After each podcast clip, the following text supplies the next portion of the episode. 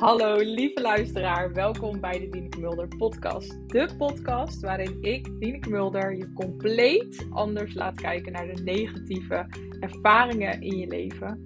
Hoe je hier positief naar kunt kijken en hoe je deze om kunt zetten in een persoonlijke transformatie. Enjoy the ride!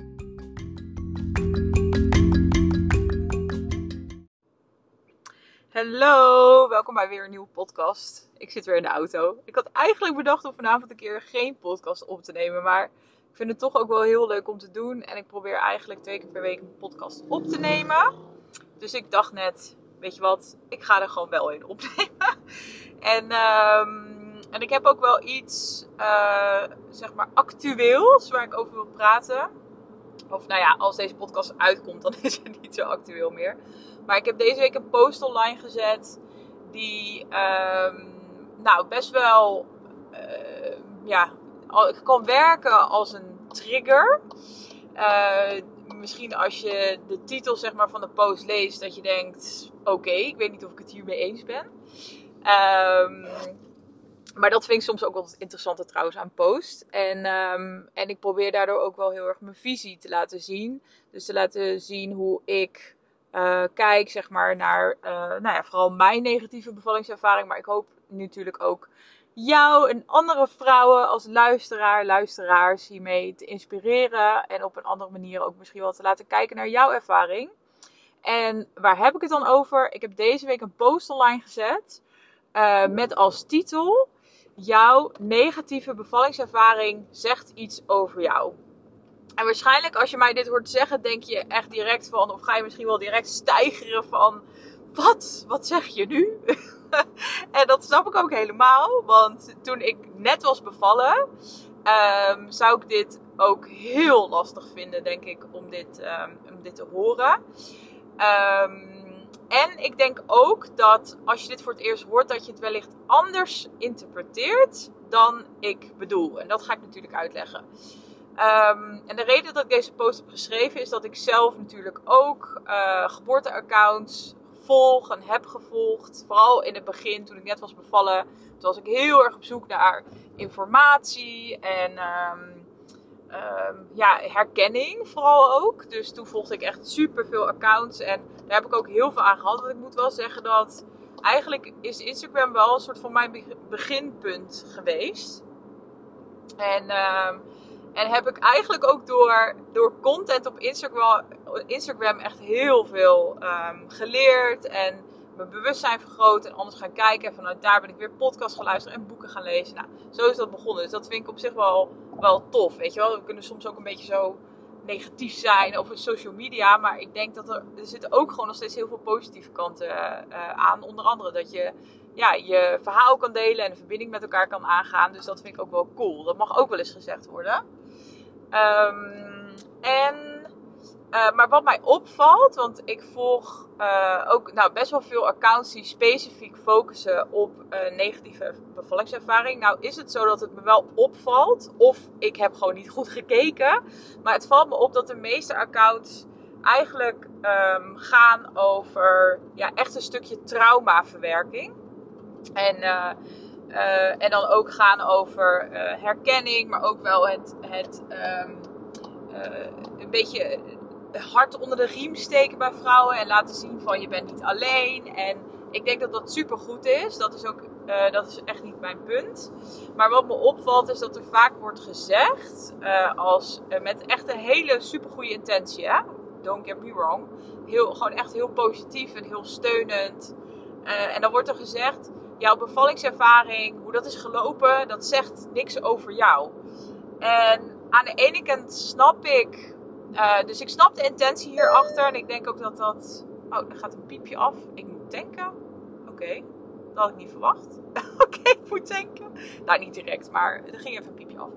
Maar, um, dus de intentie daarachter is helemaal positief. En ik snap ook helemaal waarom het gezegd wordt. Want uh, het is ook een hele fijne boodschap natuurlijk om dat, uh, om dat te horen. Omdat vooral in het begin, als je net die ervaring hebt gehad, ja, dan gaat er zoveel door je heen. En vooral, ik heb het er al vaker over gehad in mijn post en in mijn podcast.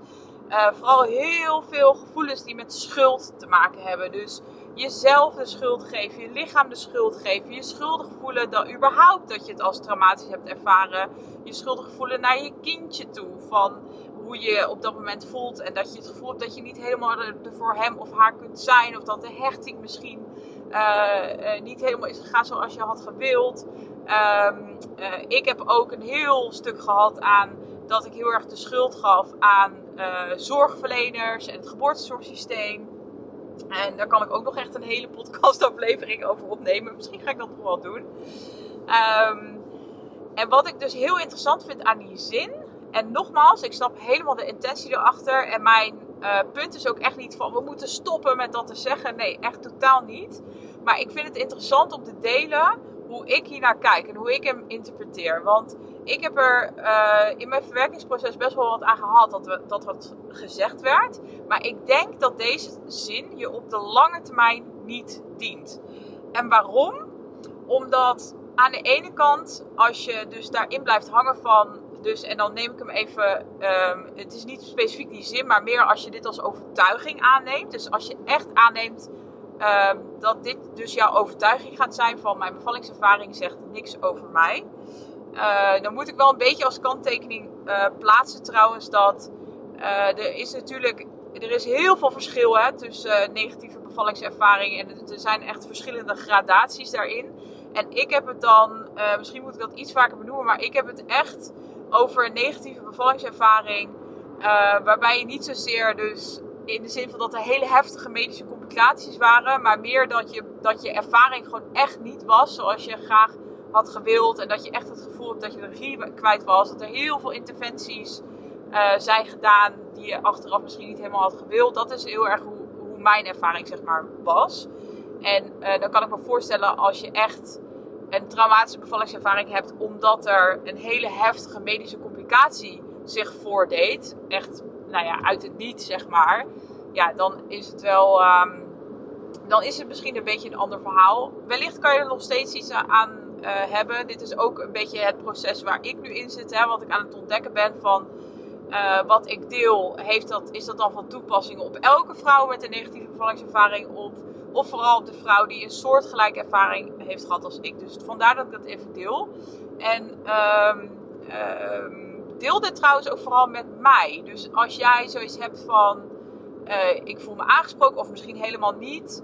Deel het ook. Want ik vind het best wel interessant ook om dat uh, te horen. Ik probeer veel met vrouwen in gesprek te gaan hierover. Om te kijken van ja, sluit het nou wel bij jou aan? Met jouw ervaring of niet? Dus nou, ik zou het best wel leuk vinden als je dit met mij deelt. Kan via een DM via Instagram.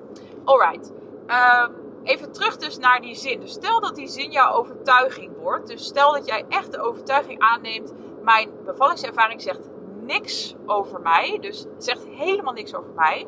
Wat er dan gebeurt is dat. Of wat er, althans, ik zal uitleggen wat er bij mij gebeurde. Want ik heb deze zin best wel lang echt als overtuiging aangenomen. En eigenlijk wat er bij mij gebeurde is dat ik Um, nou, dat het, dat het eigenlijk die zin me een soort van afsloot. Want um, bij mij hielp die overtuiging heel erg als ik, als ik dus vast zat in mijn schuldgevoel. En dan, en dan, uh, dan kwam die zin heel erg in, in, mijn hoofd van... Ja, maar die bevalling zegt niks over jou. En dan kon ik hem helemaal afsluiten, als het ware. Misschien klinkt het een beetje gek, misschien herken je dit wel. Maar het, het, voelde een beetje alsof ik dan opeens zo die deur dicht kon doen. Terwijl het interessante is, toen ik echt door die gevoelens van schuld heen ging. En dan bedoel ik, dat toen ik echt uh, uh, ging. Ja, ik vind het altijd lastig om dat te omschrijven. Maar toen ik echt aan de slag ging met al die emoties en pijn en uh, gevoelens van schuld die voortkwamen uit mijn negatieve bevallingservaring.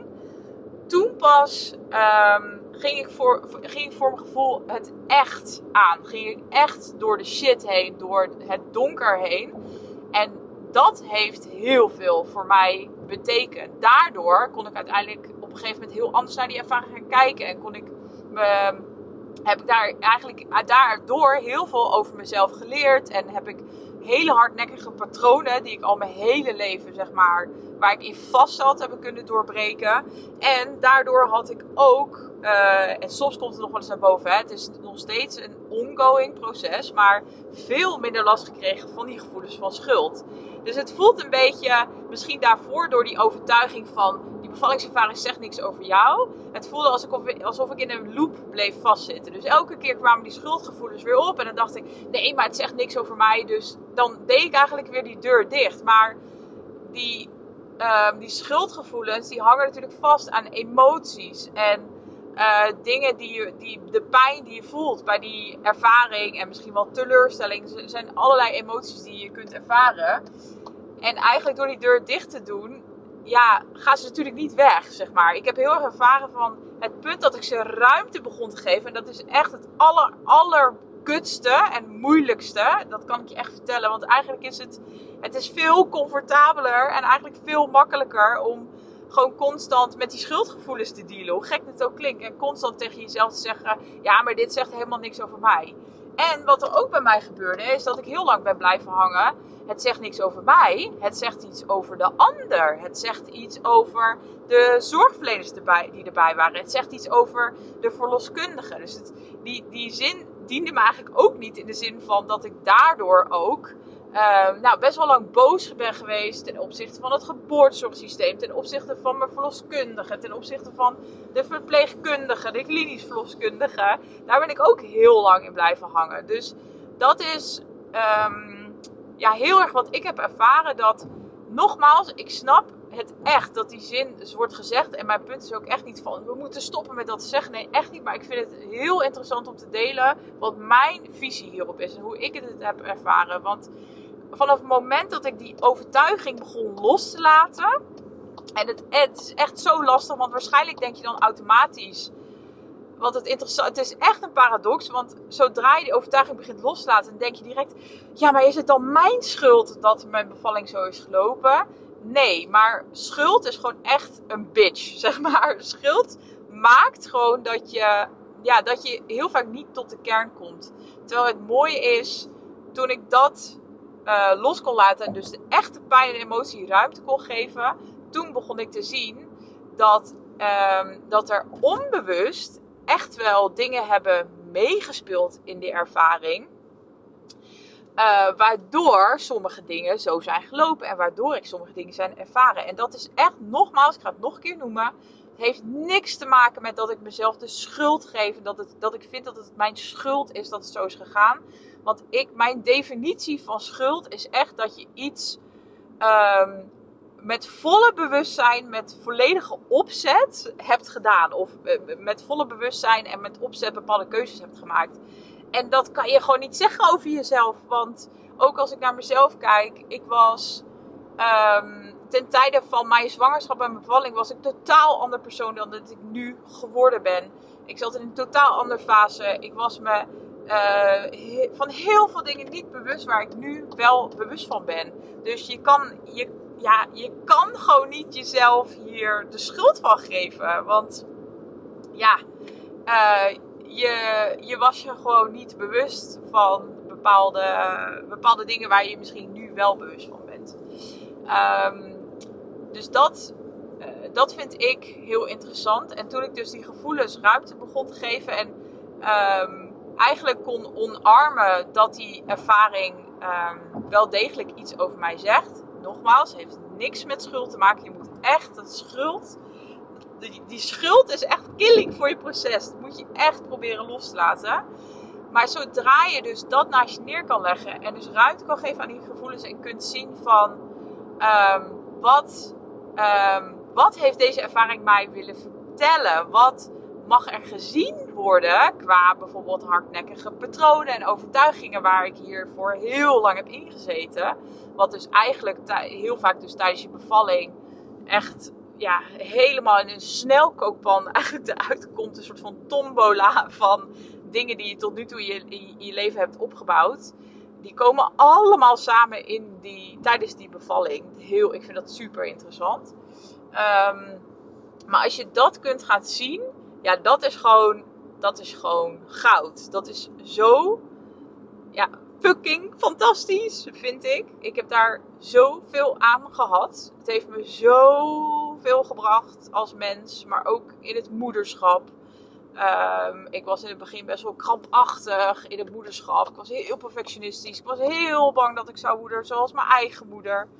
Ehm, en echt, trust me, die gevoelens heb ik nog steeds. Die gedachten heb ik nog steeds. Maar het is wel zo veel anders. Omdat ik zoveel ook inzichten in mezelf heb gekregen. En daardoor kan ik veel beter eigenlijk helikopteren af en toe boven mezelf. En zie ik, kan ik gewoon letterlijk zien van... Ah, dit is waarom ik nu dit gedrag laat zien. Of dit is waarom ik nu dat doe.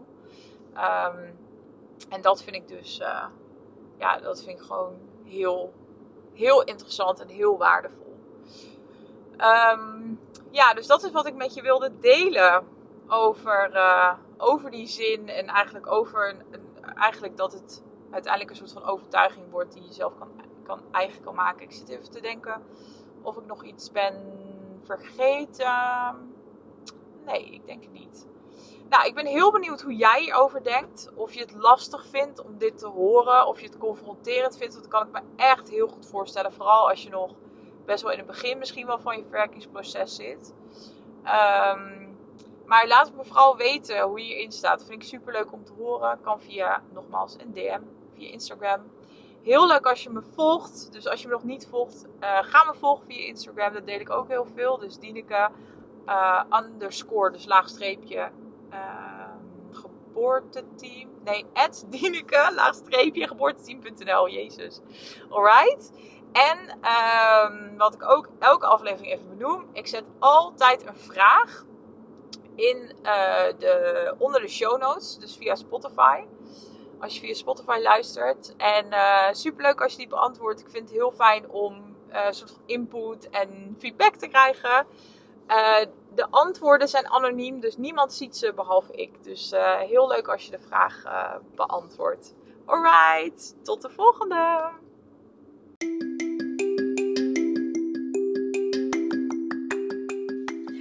Ja, heel erg bedankt weer voor het luisteren. Als je dit een leuke aflevering vond en je vindt het leuk om naar mijn podcast te luisteren, zou je dan alsjeblieft willen abonneren op mijn podcast? Dat kan via Spotify. Als je naar de algemene pagina gaat van mijn podcast, zie je zeg maar onder mijn foto een, knop staan waar je me mee kan volgen. Je kan ook het belletje aanklikken. Dan krijg je een berichtje elke keer als er weer een nieuwe aflevering online staat. En daarna zou ik het super, super leuk vinden als je mij een 5 sterren review zou willen geven. Dat kan ook weer onder de foto. Je hoeft alleen maar op de sterretjes te klikken. Verder niks in te vullen. Dus zo gepiept. Daar zou ik heel blij mee zijn.